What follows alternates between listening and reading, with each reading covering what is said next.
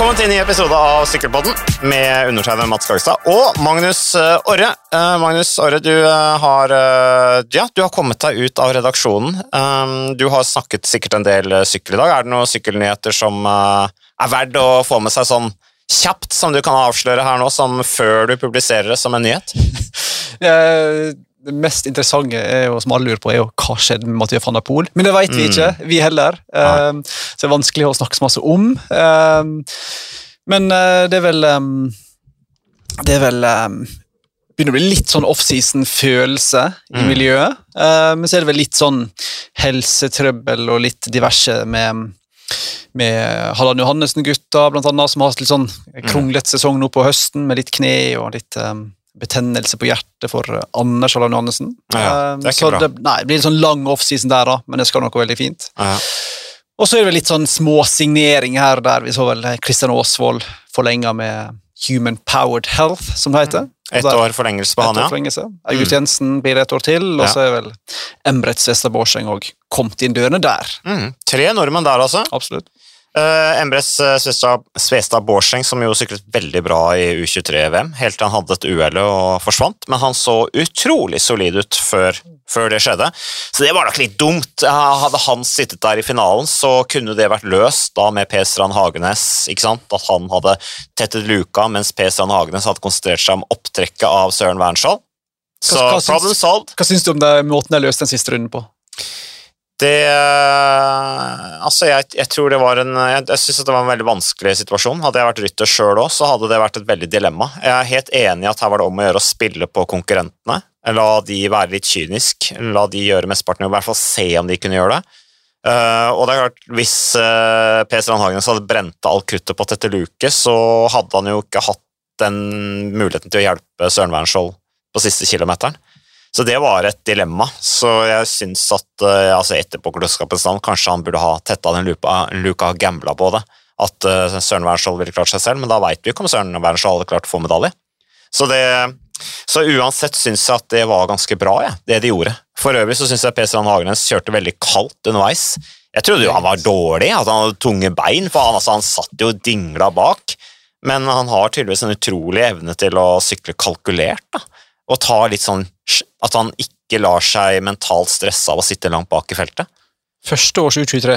Så det var, det var imponerende. Helt enig. Jeg, jeg tenkte han var, hadde en dårlig dag. Første gang han begynte å sige bak på disse bakkene der. Men ehm, han er sterk. Ja. Meget, meget sterk. Skikkelig uh, type, altså. Uh, så det var imponerende kjøring av han. Um, ellers vi kunne jo tatt uh, jeg synes vi, Nå er vi jo inne på dette med VM, Magnus. Jeg har jo laget en knallstreng agenda her som vi må holde oss til. Okay. Um, så, men nå er vi inne på VM allerede. Da har vi tatt eh, U23. Um, Remco Enepol var jo relativt suveren der. Ja, relativt. Relativt. Altså han, hva var det jeg så? Altså han er, er den mest suverene seieren da siden 60-tallet uh, i, uh, i avstand, så det er uh, imponerende.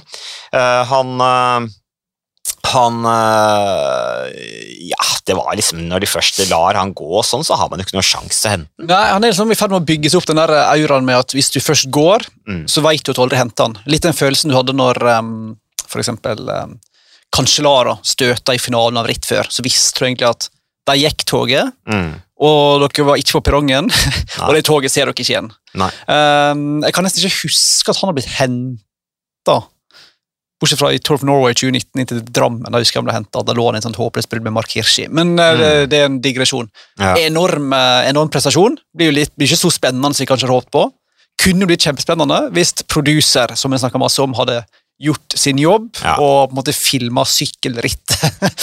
Fått med oss hovedfeltet. Det hadde blitt kjempespennende å se når Pogacar og Kristoff mm. støta, og hvem som dro og hvem som ikke dro. Og... Ja. Men der sitter vi ofte, ganske ofte føler jeg, etter hvert VM og sier «Nei, nå må vi få de som produserer Tour de France eller sykler Belgia, de må få lov til å produsere VM. Og så er det, jeg føler Så mange ganger i VM så er det så masse sånn rør. For nye folk inne. Mm. Eh, og det, det er litt dumt. Ja, jeg syns ikke vi skal klage så mye over Tour de France-produksjonen. Nei, jeg mente bare at de burde vi sier at Ja. de bør produsere VM hvert år. Ikke sant, Ja, ikke sant. Ja. Uh, det, var et, det er tydeligvis noen nye folk der som ikke helt uh, fikk med greia. Um, Men hyggelig for Wollongong Art Center, da, som fikk ja, veldig. ganske god reklame der i time på time. Ja, Christian fikk snakka en del om det, som altså er utformet etter altså, eh, eh, kro, dronning Elisabeth sin krone. Derfor var jeg litt sånn halvsirkel. Ja, Helt sånn, ja. riktig. Altså, den, er, ja. den er kroneformet. Og det, passer, altså, det, var jo, det var jo litt rørende, syns Det jeg. Nå oppi døden til dronning Elisabeth, så var egentlig det veldig fint å få med seg. Men Og reflektere litt over også, ja, ja, det egentlig. var meget bra at de fikk det på TV. Men uh, satt du òg igjen med følelsen at Wout van Art hadde tatt en medalje hvis han visste den spurta om medalje? Jeg tolka han litt sånn, selv om han ikke Mm. sa det helt rett ut. Ja, men det var vel en 15-20 stykker som sa det samme der. Ja, ja, helt enig. Så, eh, at Laporte tok medalje, var jo ikke noe stor skrell, for så vidt. Um, eh, Michael Matthews, ikke han heller. Eh, Kristoff kunne tatt medalje, Val van Eyck kunne tatt medalje. Eh, Det som var litt overraskende, var hvordan Val van Eyck kjørte underveis. altså Han angrep jo oppe Mont Pleasant ganske kraftig. Um, og det sa han jo, jeg kommenterte jo det underveis der, at det er litt spesiell taktikk. Det kan for så vidt være bra, at da sprekker feltet, og det ødelegger på en måte ikke opphentingen, ikke sant? Eh, Men samtidig så sa han jo etterpå, innrømmer han det, at det, det gjorde han fordi han var ikke klar over situasjonen, sa han. I et intervju. Så det er jo litt spesielt. Hvor mange andre idretter har du fem sekunder før avgjørelsen av VM, der 99% ikke veit situasjonen? Det var veldig mange som ikke visste Jo, men noen det er bare så rart at vi fortsatt, eller at vi sier, at, at, at ryttere og lag fortsatt går med på det der at, at radio skal vi ikke ha i et VM. Ja, ja. Du er vel enig med meg at hallo i luka, få på en radio i et VM, da? Mest mulig sånn der eh, radiostyrte ryttere. Radiostyrte biler, det var gøy da jeg var liten, husker jeg. Ja, krasje rundt det. Gøy, du. Men du er vel enig med meg, ikke? For å være seriøs? Ja, og så tenk på de liksom. stakkars sportsdirektørene, da. Ja. Som sitter i bilen der og bare kjører bil. liksom. Er ingenting, De føler seg fullstendig engasjert neglisjert. Ja, Ja, ja, ja. de liksom Ja, fortell litt om rollen som sportsdirektør da i VM, liksom, og dere vant gull og greier. Ja, nei, jeg gjorde ingenting. Jeg satt bare og kjørte bil, liksom. Isteden så kan de si ja, liksom jeg prata i radioen, jeg ba de angripe akkurat der, og sekunderte sånn, og De blir jo fullstendig overflødige. Kan jo ha hvem som helst som sitter og kjører i sportsdirektørbilen. nå. Helt enig. Ja. Det kan du gjøre neste år. Men fortell meg et positivt ting med at jeg ikke har radio i, i VM. Nei, det er jo det at det blir uh, litt sånn Kanskje litt mer sykling på At det, at det skjer ting som er taktisk diskuterbart, da. Altså at det, det blir mer diskusjoner rundt det. Altså, hvorfor i all verden gjorde han det?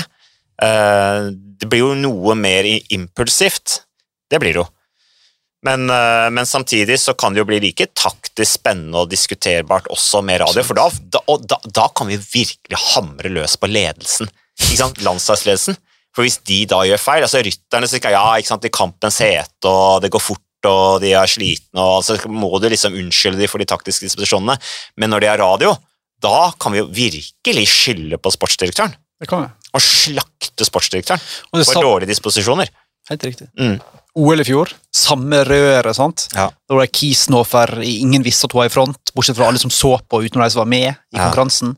Nei, det er så bak mål. Nå må noen eh, våkne snart, altså. Ja, men hun Kisnofer er sånn matematisk geni, er hun ikke det? Så hun hadde jo dette regnestykket oppi hodet sitt og baserte seieren sin mye på det. Er ikke hun sånn professor i matematikk? Jo da, hun er det. Ja. Eh, karakter, hun, da. Ja. Jeg intervjuet et par ganger. Det er alltid en litt sånn skummel opplevelse. Å ja? Ja, for du vet, hun sier masse rart. Ja. På godt og vondt, da. Ja. Veldig sånn, veldig annerledes for alle andre du intervjuer. Men er hun åndsfjern, eller er hun Eh, nei, veldig, eh, veldig til stede i, i nuet, men har et veldig sånt eh, emosjonelt forhold til idretten sin, som går litt sånn utapå. Er hun labil? Minner meg litt om Begynner hun å gråte og sånn? Ja, litt sånn, og så minner hun litt om sånn, litt sånn på tuppa à la Cale Evans av og til. Å, ja. Eh, ja. Men så er hun åpenbart veldig intelligent òg, så hun er en case. Men, Men eh, eh, Cale Demons var jo på grensa til voldelig. Ja, han uh, hadde litt sånn issue der. Ja. Jeg driver og leser om den der eh, boka til Jan Ulrich nå. Var, han var lagkompis med Cale Evans en periode. Det var vel, var vel Kløden som mente at han Evans hører vel egentlig ikke hjemme her. Han er så weird Å, ja. type. Men uh, det er en annen historie. Men uansett, Uh, OL-VM, største vi har, da må jo teknologien den har innført, være med. Ja. Vi kan ikke fjerne en, en dommer i fotball i VM-finalen. Nei. Altså, du må liksom bruke deg Altså, svømmefinalen uten um, fotofinish, altså det går ikke. Nei, nei. Må liksom, uh, nå må folk uh, skjerpe seg. Ja, nei, Så vi er for at det blir radio i mesterskap. Ja, det kan vi konkludere med nå. Jeg snakker forresten om eh, disse, tidsavstandene. Når vi først har sagt A, så må vi si B. Altså eh, Remco Evenepool vant altså solo da etter å angrepet to runder før mål. Vant 2,21 foran franskmann Christophe Laporte, som da vant spurten i feltet foran Michael Matthews. Og Det er altså den største seiersmarginen da siden seieren til Fausto Coppi i 1953, hvor han vant med 6 minutter og 22 sekunder. Og så enda større avstand, det var da i 1968, som jeg sa. Det var Vittoria, ny italiener, Vittoria Adorni, som vant med 9,50. Eh, Så Da hadde jeg heller, jeg heller ikke radio. Nei, det hadde de definitivt ikke radio. Den største seiersmarginen i VMs historie er da George Ronse. Belgieren vant VM i 1928 med 19 minutter og 43 sekunder foran da sju andre fullførende. Så Remco Enepol han, han er ikke altså, sånn, I historisk perspektiv så var det ikke en så bra prestasjon. Han bør egentlig skjerpe seg litt. Trene litt mer neste år og håpe å gjøre litt bedre. Ja. Uh, Det er jo noe med å bli historisk, liksom. Ja, men, liksom, ja, men George Ronse vant jo med 1943, liksom. Eh, du vant med bare to og et halvt minutt. Bare, det er ikke så bra. nei, det er ikke. Nei. Han bør jekse litt ned. Ja. Men det er rett før vi gikk på luft her, så så jeg, ikke om du fikk med deg, men uh, da var det jo uh, sykkelsportens Fabrizio Romano som kom med den der uh, historien om at uh, Ineos prøver å hente Evenepool. Og Da viste annet i tekstmeldinger Brails for å sende til Lefebvre, vil du selge han, etc. Mm. Fordi han uh, Ineos-eieren Ratcliffe har lyst på umiddelbar suksess i Tour de France, og da Ja. er visstnok Evenepool han må vi ha. Hva Ja. tenker du? Er, er det håp om at en kan lokke Evenepool fra det König til Ineos? Åh, ja, men jeg, jeg, jeg tror, jeg tror da. Patrick Lefebvre er businessmann. Jeg tror han eh, at han Selv på en belgisk gullkall? nei, han, vil ikke la han gå. Er, er du gæren? Altså, det, det blir så dyrt at eh, det, det kommer til å koste. Men også Ratcliffe penger, Ratcliffe og Ineos ja, de har mye penger, og de har ganske mye business i Belgia òg. De har eh, mange Jeg vet ikke om de har 1000 ansatte, men liksom de, de har mye ansatte i Belgia. Altså. Eh, så det vil være interessant av flere grunner. Det var jo også en av grunnene til at de ønska å signere Van Ert for noen år siden, nettopp fordi at de har en del business ansatte i Belgia. Eh, Men, eh, men jeg tenker jo at det ville vært bedre å, å signere Primus Primoz Roglic. En ti år eldre fyr som Ja. alltid velter? Ja, men altså, de, han har jo altså, han, altså, alltid velter. Han har jo vunnet de tre spissen, siste Spania rundt, da. Eh, Jo, men hvis det han vant ikke i år, France, så liksom. vi hviler litt sånn forbannelse nesten. Ja, men kanskje et, et annet lag, et annet opplegg rundt seg, kanskje det ville hjulpet på han. Jeg, jeg veit ikke, men det, det jeg, det, det vil kanskje være lettere å få til en deal, da. Ja, det tror jeg. Det, er- Ja, det er helt og med en lytter som også har potensial til å, å vinne. Men, eh, og Remco Evenepool, det er jo ikke noe mindre usikkerhet rundt han enn Primoz Roglic, men jeg er vi sikker på at Remco Evenepool ville vunnet Spania rundt hvis ikke Primoz Roglic hadde uh, velta. 22 år gammel, da. Ja, selvfølgelig. Fremtida foran Mm. seg, men altså, det er jo ikke sikkert Hvis målet er å vinne Tour de France umiddelbart, så er det ikke sikkert at Remco Evenepool er mannen å satse på i 2023. Kanskje, men eh, det, det er jo et eh, nivå opp i Tour de Absolutt. France. Absolutt. Så, så jeg, og da tror jeg nesten jeg ville heller at en tryggere investering å, å satse på Primoz Roglic, og jeg tenker at sånn eh, eh, motivasjonsmessig så tror jeg kanskje det ville eh, vært trigga Primoz Roglic, kanskje at han ville komme seg litt ut av skyggen til Jonas Wingård, som han jo definitivt er i nå, og i tillegg hva han er, få et dedikert lag rundt seg. Så jeg tror jeg heller ville ringt til Jumbo Visma og spurt om de ville selge vrakgodset Primoz Roglic, som jeg mener har fremdeles potensial. For jeg, jeg, mente, jeg mener han hadde noe på gang i Spania rundt, før det velte. Absolutt. Han Mm. kunne tatt igjen Evenepool. Jeg er Ja. helt enig i det. Vi må ikke glemme at vi drev og diskuterte eller spekulasjoner om at Remco Evenepool faka en punktering der på den etappen hvor Roglic eh, velta, og Roglic kjørte fra han igjen, eh, opp til eh, hva heter det, i, opp i Sierra Nevada. Så, så han var på vei mot noe. Så min anbefaling til Dave Beresford er å ringe til, til Jumbo Visma og kjøpe Primoz Roglic. Så i stedet for å satse på Remco Empol, men det, ja, det tror jeg har blitt veldig dyrt, altså. Og jeg- Det har blitt kjempedyrt, men er litt, sånn, litt sånn kul sånn blockbuster-overgang. Litt sånn fotballstil, nesten. Mm. Hvis uh, Ineos eller liksom Manchester United henter liksom en vidunderbarn for en stor pengesum. Det har vært litt sånn eh, spennende um, Ja. narrativ, men um, ja, det Men vi er vel enige, det, sannsynligheten av det skjer, er vel så cirka Den er liten, fordi at Evenepool er jo så til de grader fremtida. Ja, ja, altså, han skal jo bygge det nye Quickstep, eh, hva det nå heter. Um, så det Jeg tror ikke sjefene til Lefebvre blir happy, eller sponsorene, hvis han selger. Evenepool. Nei, Men, men. men det er en spennende tanke. Ellers, eh, apropos fremtida, så Evenepool var 22 år og 230 dager gammel da han vant VM nå. Altså, da var han 130 dager yngre enn da Eddie Merx vant eh, VM og et monument samme sesong. du, Og, en, og, en, og, en, eh, og et monument. Så Evenepool er foran skjemaet til Eddie absolutt. Mm. Så det sier jo litt. Han er jo da i selskap med tre ryttere, Evenepool. Hinault, Merx og Binda, som alle har klart å vinne Monument, Grand Tour og VM i samme sesong. Noe merker vi ofte gjør, det er meg sjøl inkludert. Kan vi nevne Eddie Merx? Mm. eller nevner vi um, um, Lance eller andre, eller Floyd Landis, så sier vi jo tidligere doperen. Ja. Merckx, selv om han er det tre dommer eller noe sånt, vi nevner aldri det. Nei. Men det er en annen diskusjon igjen, da. Når mange digresjoner fra min side, merker jeg. Ja. Han, får vi, han lar liksom alltid bare fære. Han vi bare fære. Ja. Eddie Merckx. Ja. Uh, ja. Nei, det, men et- ja, dopinglista var jo en Altså, ha- han var jo sånn Hadde de testa han for alle de tingene du tester han for i dag, så hadde han sannsynligvis altså, sprengt alle skalaer, Eddie. Merckx. Eh, Men det var jo det var jo et ritt han ikke ble invitert til. Jeg lurer på om han ikke ble invitert til VM i København i 2011. Fordi at eh, han hadde, nettopp pga. disse tre dopingtestene eh, Nei, nei, det var Stuttgart i 2007. Stuttgart i 2007, som Pedini vant, eh, eh, så ble ikke Eddie Merckx invitert av, eh, av den tyske arrangøren, nettopp fordi han hadde disse doping-sakene på seg. Så det har vært eh, oppe tidligere, det, altså. Men, eh, men apropos Lance, um, er du Enormt det bildet, så du det? For en, for en Ja, men altså- gruppe mennesker! Ok, vent da. Det var Lance, det var Johan Brynell, Mm. uh, Mr. eh, Gangster Mafia i sykkelsporten. Det var George Hinkepy, Mr. Good Guy som ble litt bad guy, og nå er litt sånn good guy igjen. Mm. Så var det Bradley Wiggins, Mr. Hipster, og så var det Cavendish, uh, Angry Cav. Mm. Satt der i en sofa på, eller var det Mallorca, Ja, i forbindelse med innspilling av podcast. Mm. The move. Eh, hva Jeg så det bildet, så tenkte bare Nei, og Jan Ulrich, ikke, ikke minst Jan ja, Ulrich. ja. Hva tenkte du når du så det bildet? Nei, jeg tenkte at Johan Brunil har jammen lagt på seg. Nøyaktig samme Ja, tanke som det var det første jeg tenkte. Jeg kjente han ikke igjen, jeg. Nei, det var helt Eh, det var det første jeg tenkte. Eh, for øvrig så eh, var det jo da for en lansering av en eller annen sånn forretningsidé som Lance har, hvor de da skal invitere folk med en del spenn, tydeligvis, da, på en ukes treningssamling da med denne gjengen. Men Får du blodpose inkludert i den Jeg håper jo det, med, så, med den prisen, Ja, så bør du i hvert fall få både EPO og blodposer Ja. og full pakke med veksthormoner og alt sånt som Lance kan mye om. Eh, Men det koster altså 50 000 dollar da, for en uke. 50 000 dollar Ja. fra ei uke? Ja. Og da spiser du godt og drikker godt og sykler langt? Ja, da vet du at det er mm, altså Da er det sikkert hotell og opphold inkludert, det vet du.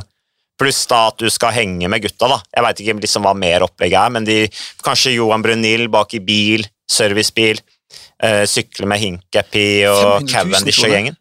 Ja, 50 000 dollar! Ja, men det er jo ja, det er jo forstått bare fem kvadratmeter i Oslo, da. Men øh, Ja. ja. men, Halv million.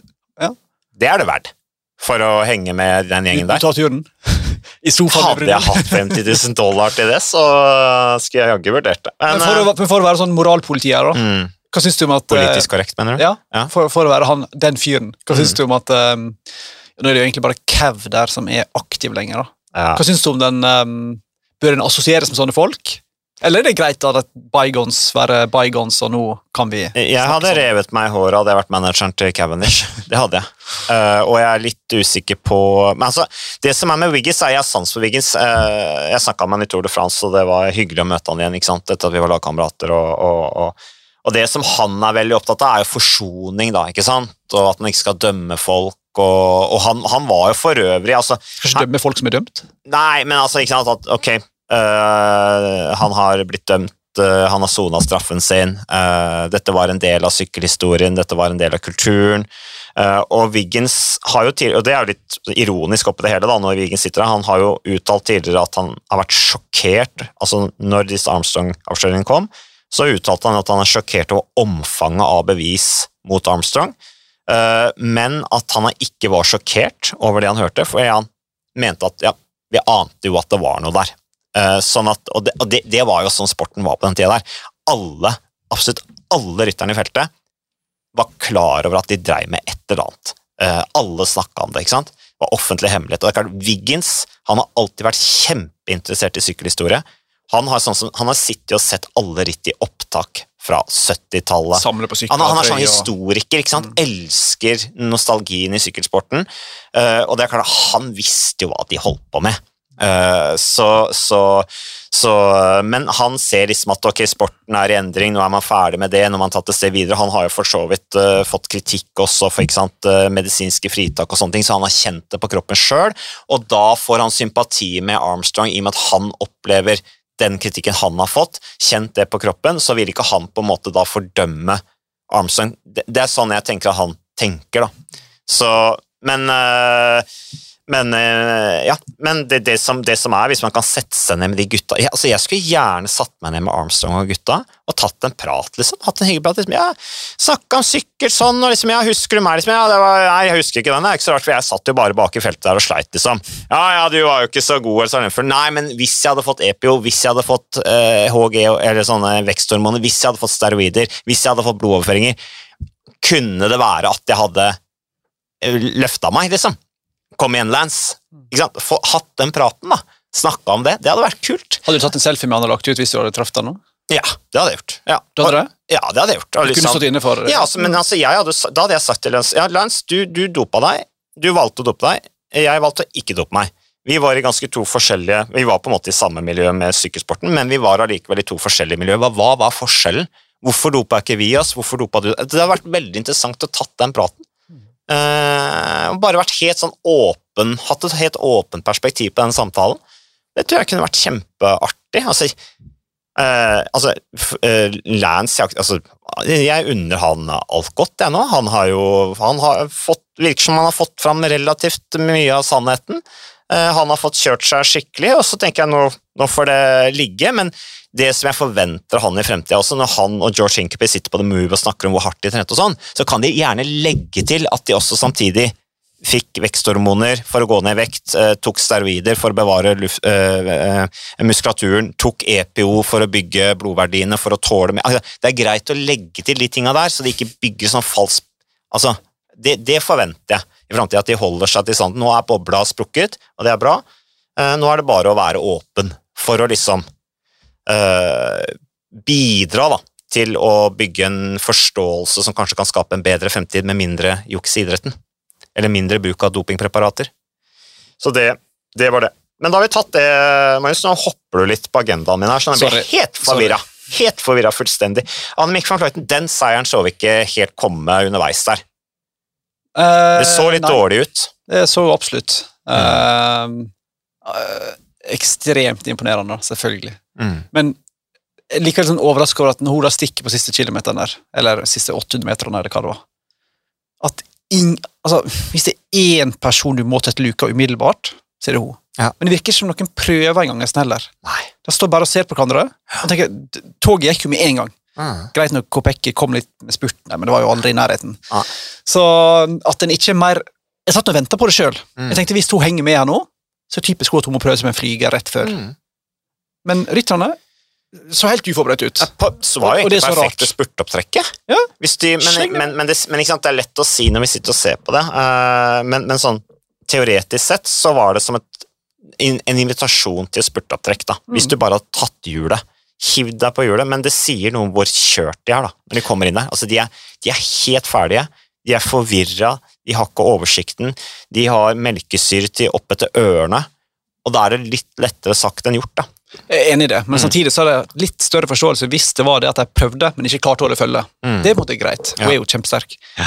Men det er på en måte å sitte og, sitte og vente og se på hverandre når Annemiek van Fløyten stikker med 800 meter igjen. Ja, Det, det er bare å gi opp, da. Da er, da er det tog gått. Ja, men hun skjønte jo ikke at hun hadde vunnet, hun heller. Det var i hvert fall mitt inntrykk. Det så, hun feira jo ikke seieren over mållinja. ja, Hun drev, det, liksom det første hun var opptatt av, var jo å stoppe Ja, eh, ja. liksom klokka Garmin, si, ja. Garmin-klokka si. Så jeg tenkte liksom ok, det Det var ikke mye til Var vel litt brent av OL-feiringa i fjor, da. Noe mm. jubla for sølv, kanskje. Ja, det må ha vært det, apropos uh, Kieserhofer.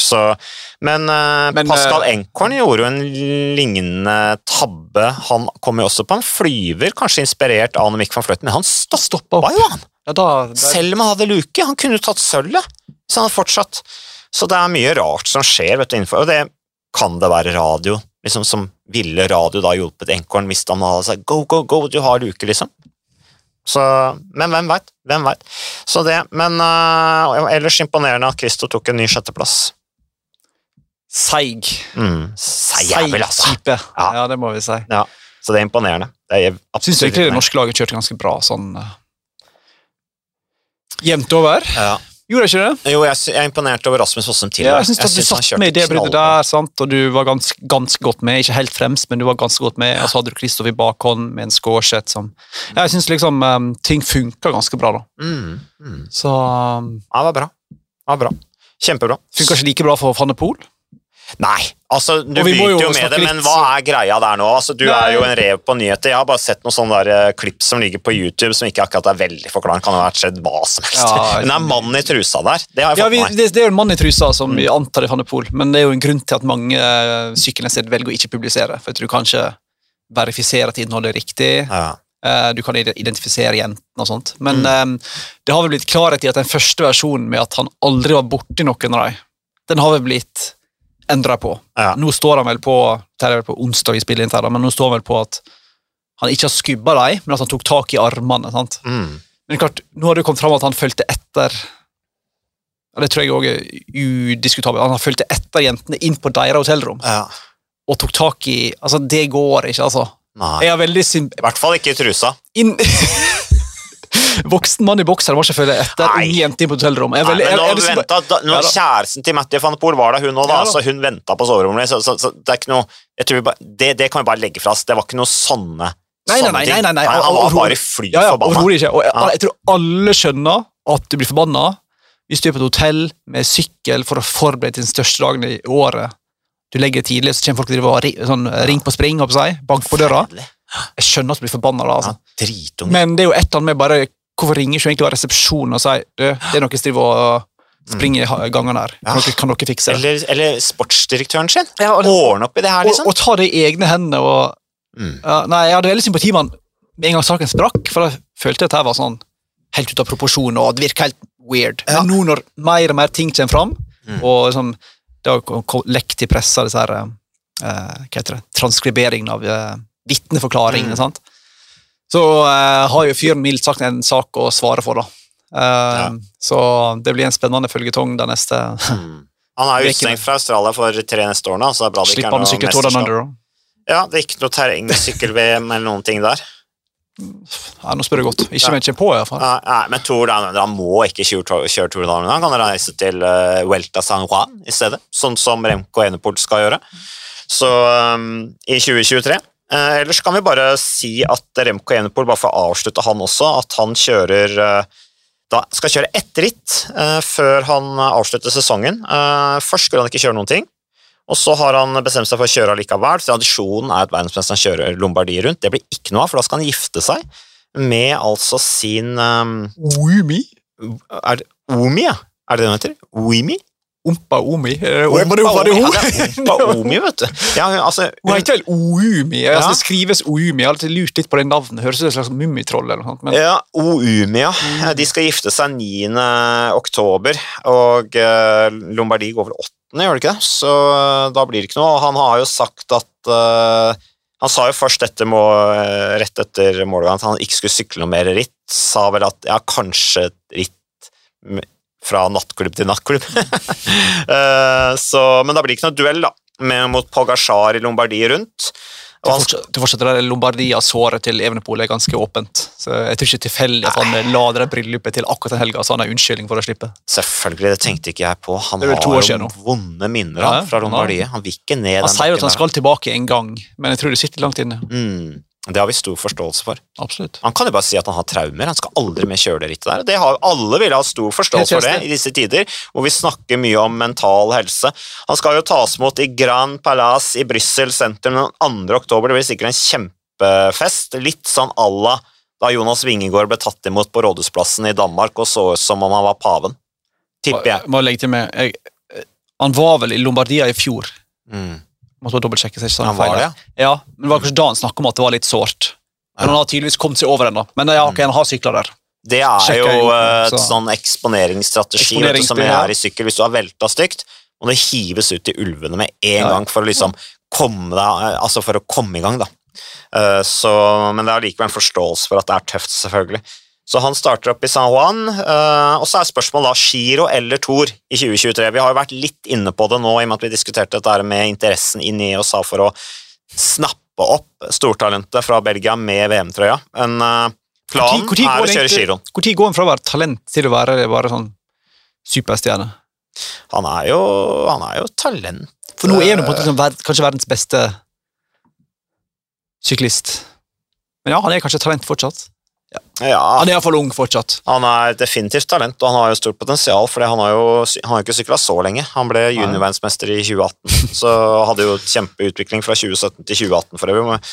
Velta jo stort sett uh, bare eh, i 2017, og så har han virkelig kommet seg i, i, i 2018, hvor han utvikla seg stort. Så, så Nå er jo uh, Tour de France-løypa ikke så langt unna. Nei. Den kommer vel i slutten av Eller rundt 20. oktober. Og så har jo Giro-detaljene begynt å lekke litt ut. Mm. Der åpner de med tempo, og så er det snakk om ca. 6-7 mil totalt med tempo. Ja. Sikkert et forsøk på å lokke Evenepool dit. Mm.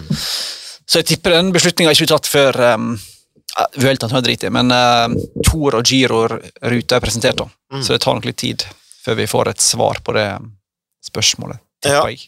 Nei, det Han slår meg som en utålmodig type som sikkert har lyst til å gå rett på Tour de France og ikke ta et mellomsteg, for å si det på den måten, Mm. via Giroen. Men Jeg tror han har litt å jobbe med fremdeles altså, i, i Grand Tours. Eh, Som jeg sa, eh, nivået blir fort et par hakk opp i, i Tour de France. Eh, det kan være at det er lurt for å, å få mer erfaring i giroen, under litt mindre press.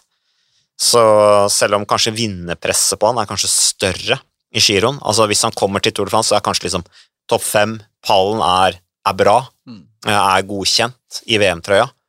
Eh, Det er ikke sikkert at folk liksom krever at han skal vinne første rittet. Så jeg er litt usikker på det, men hvis han kjører giroen, så er kanskje det mer press på at der er det kun gull som glitrer. mm, er. Så, um, så det er litt spennende. Ellers andre nyheter, uh, Magnus. Uh, Vi hadde jo Sindre Olsen kom jo med nyheten om at Carl Fredrik Hagen skal bytte lag. Han er uh, på vei ut av Israel Premier Tech. Jeg tror for øvrig at stevningen i det laget er særdeles dårlig. Jeg så Jakob Folsang for eksempel, nå uttalte at han hadde ikke noe lyst til å avslutte karrieren på pro conti-nivå. Det var liksom litt under hans verdighet. Eh, og det er jo noen spekulasjoner hvor mange av rytterne som har da sånne klausuler på at de kan forlate laget hvis det ikke er World Tour. Og da blir jo stevningen riktig dårlig i det laget, så da tror jeg de må virkelig eh, Da tror jeg det er en fordel hvis de har uh, høye lønninger, i hvert fall. Um, for det er jo ikke bare bare å, å, å, å få høye lønninger overalt. Men uh, hva kan vi si om det nye laget til Karl Fredrik Hagen? Jo, det er jo uh, Det er jo litt ukjent hvem andre som skal- sykle der. Jeg har jo nevnt noen navn. Matheo Moschetti blant annet, og et par andre. Brambia, ja. Damon House. Mm, stemmer det. De Mm.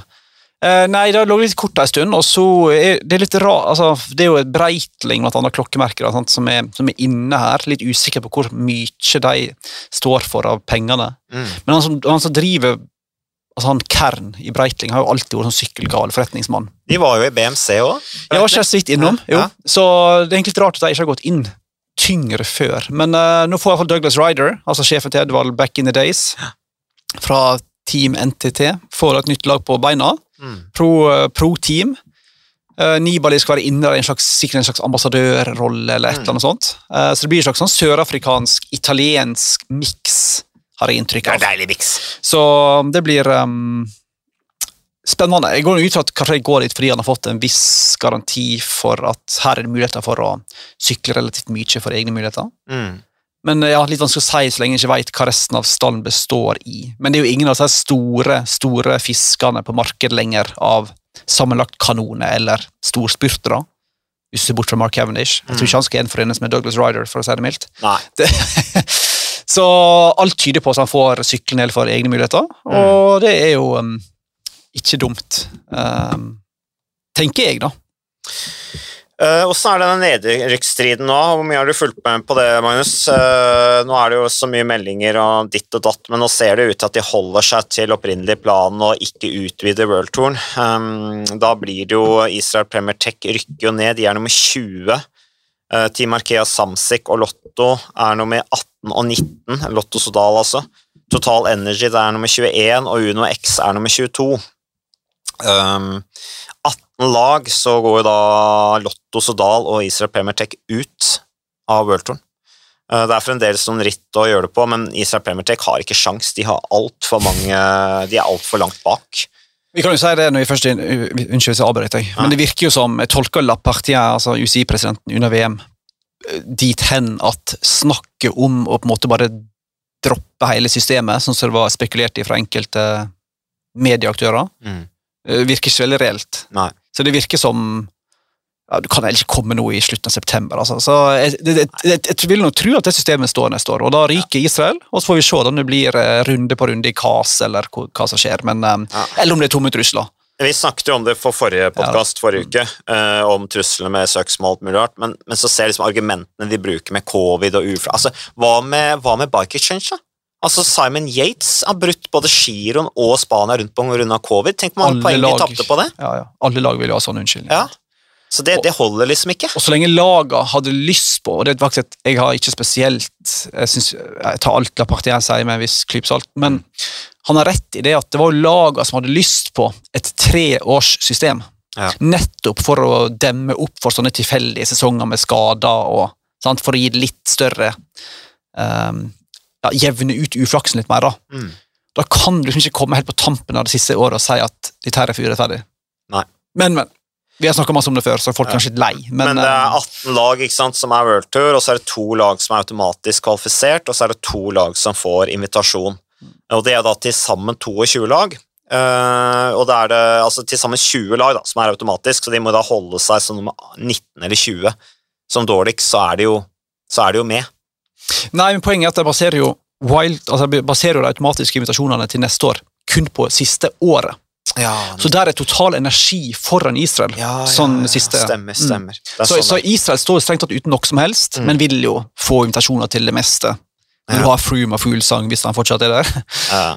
Ugo Ull og andre Ja. profiler. Mm. Nizzolo og Evo Mm. Så Ja, De vant jo to etapper i Tour de France. Jeg syns kanskje vi var litt urimelige med Israel Premier Tech forrige podkast. Det, det må vi bare ta til etterretning.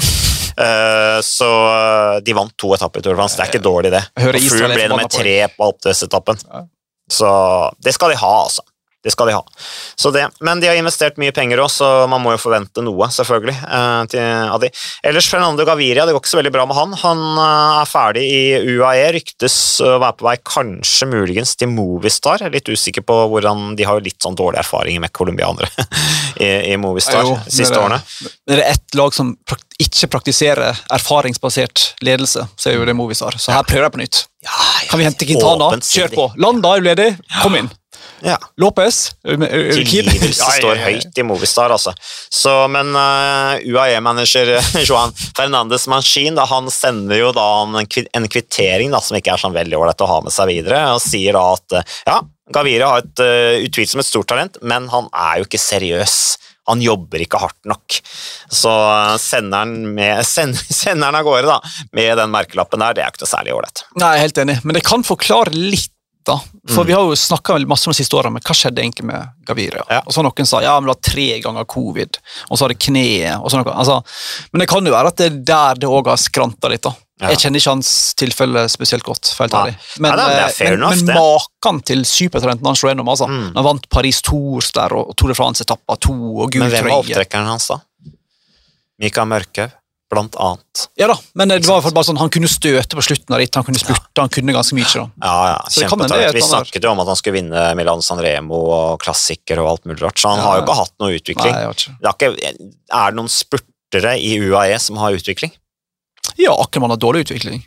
Akkermann har ikke Dårlig ja, en dårlig utvikling, ikke sant? Så en negativ utvikling, ja, men ikke en positiv Ja. utvikling. Akkermann er også et godt eksempel en som Har kommet til et lag, var helt sikkert for godt betalt og greier, men de er jo overambisiøse i UAE i forhold til hvor mye de skal gape over.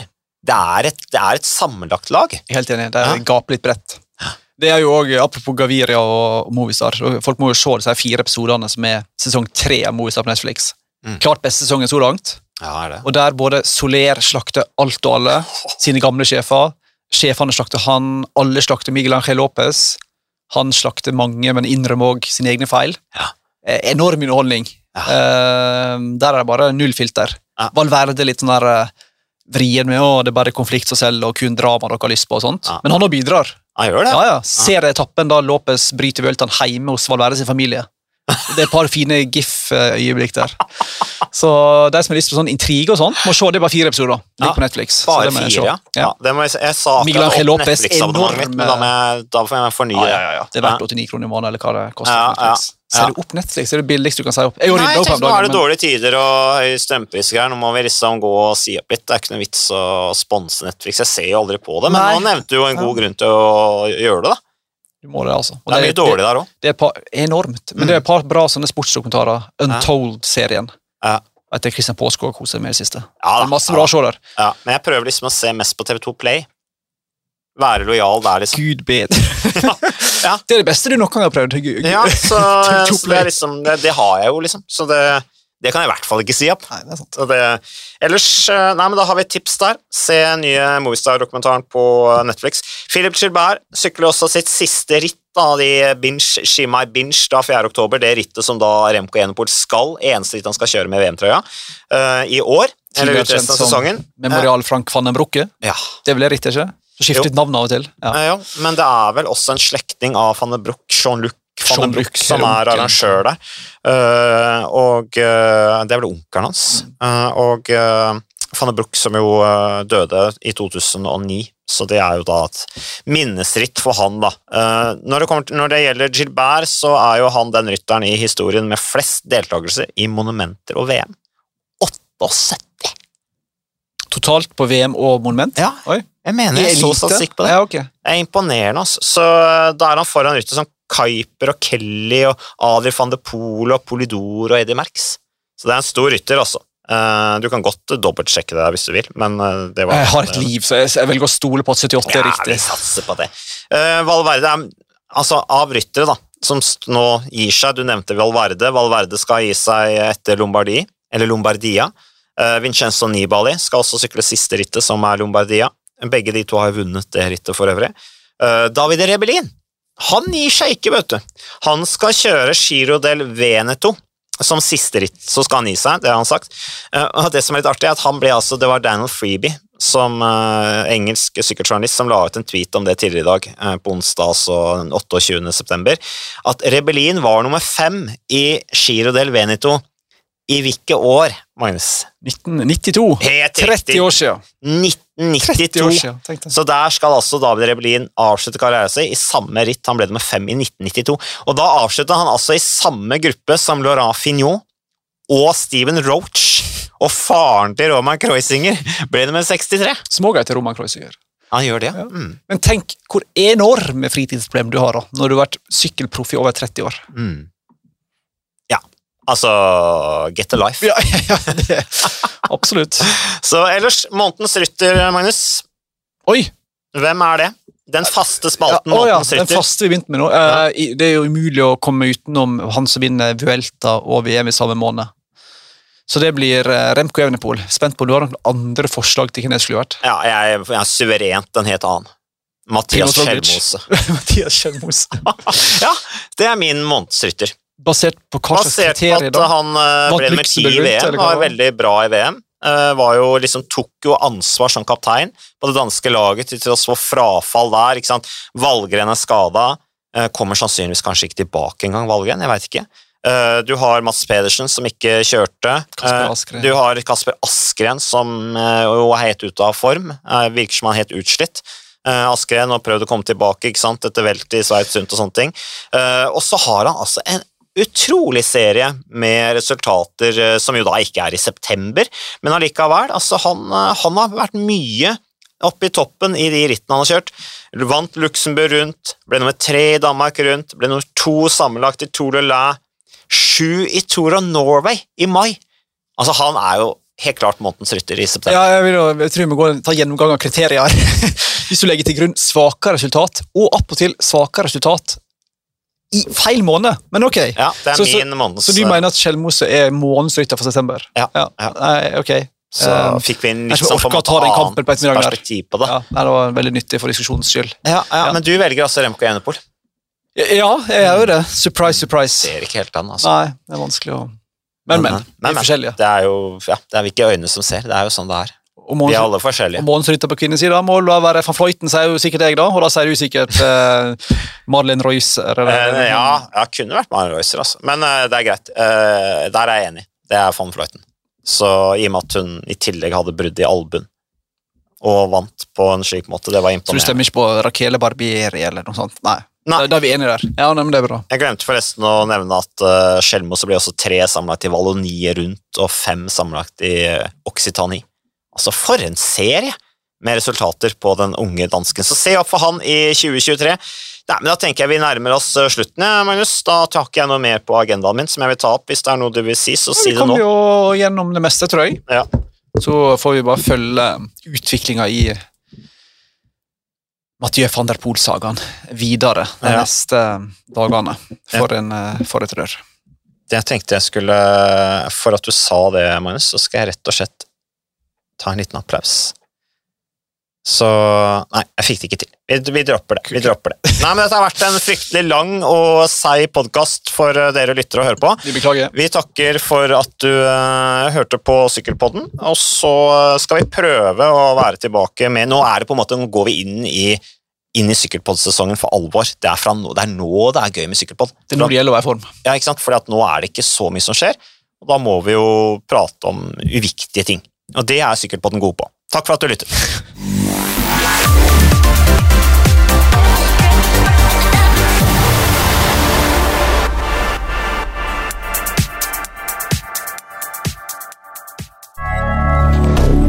Moderne media.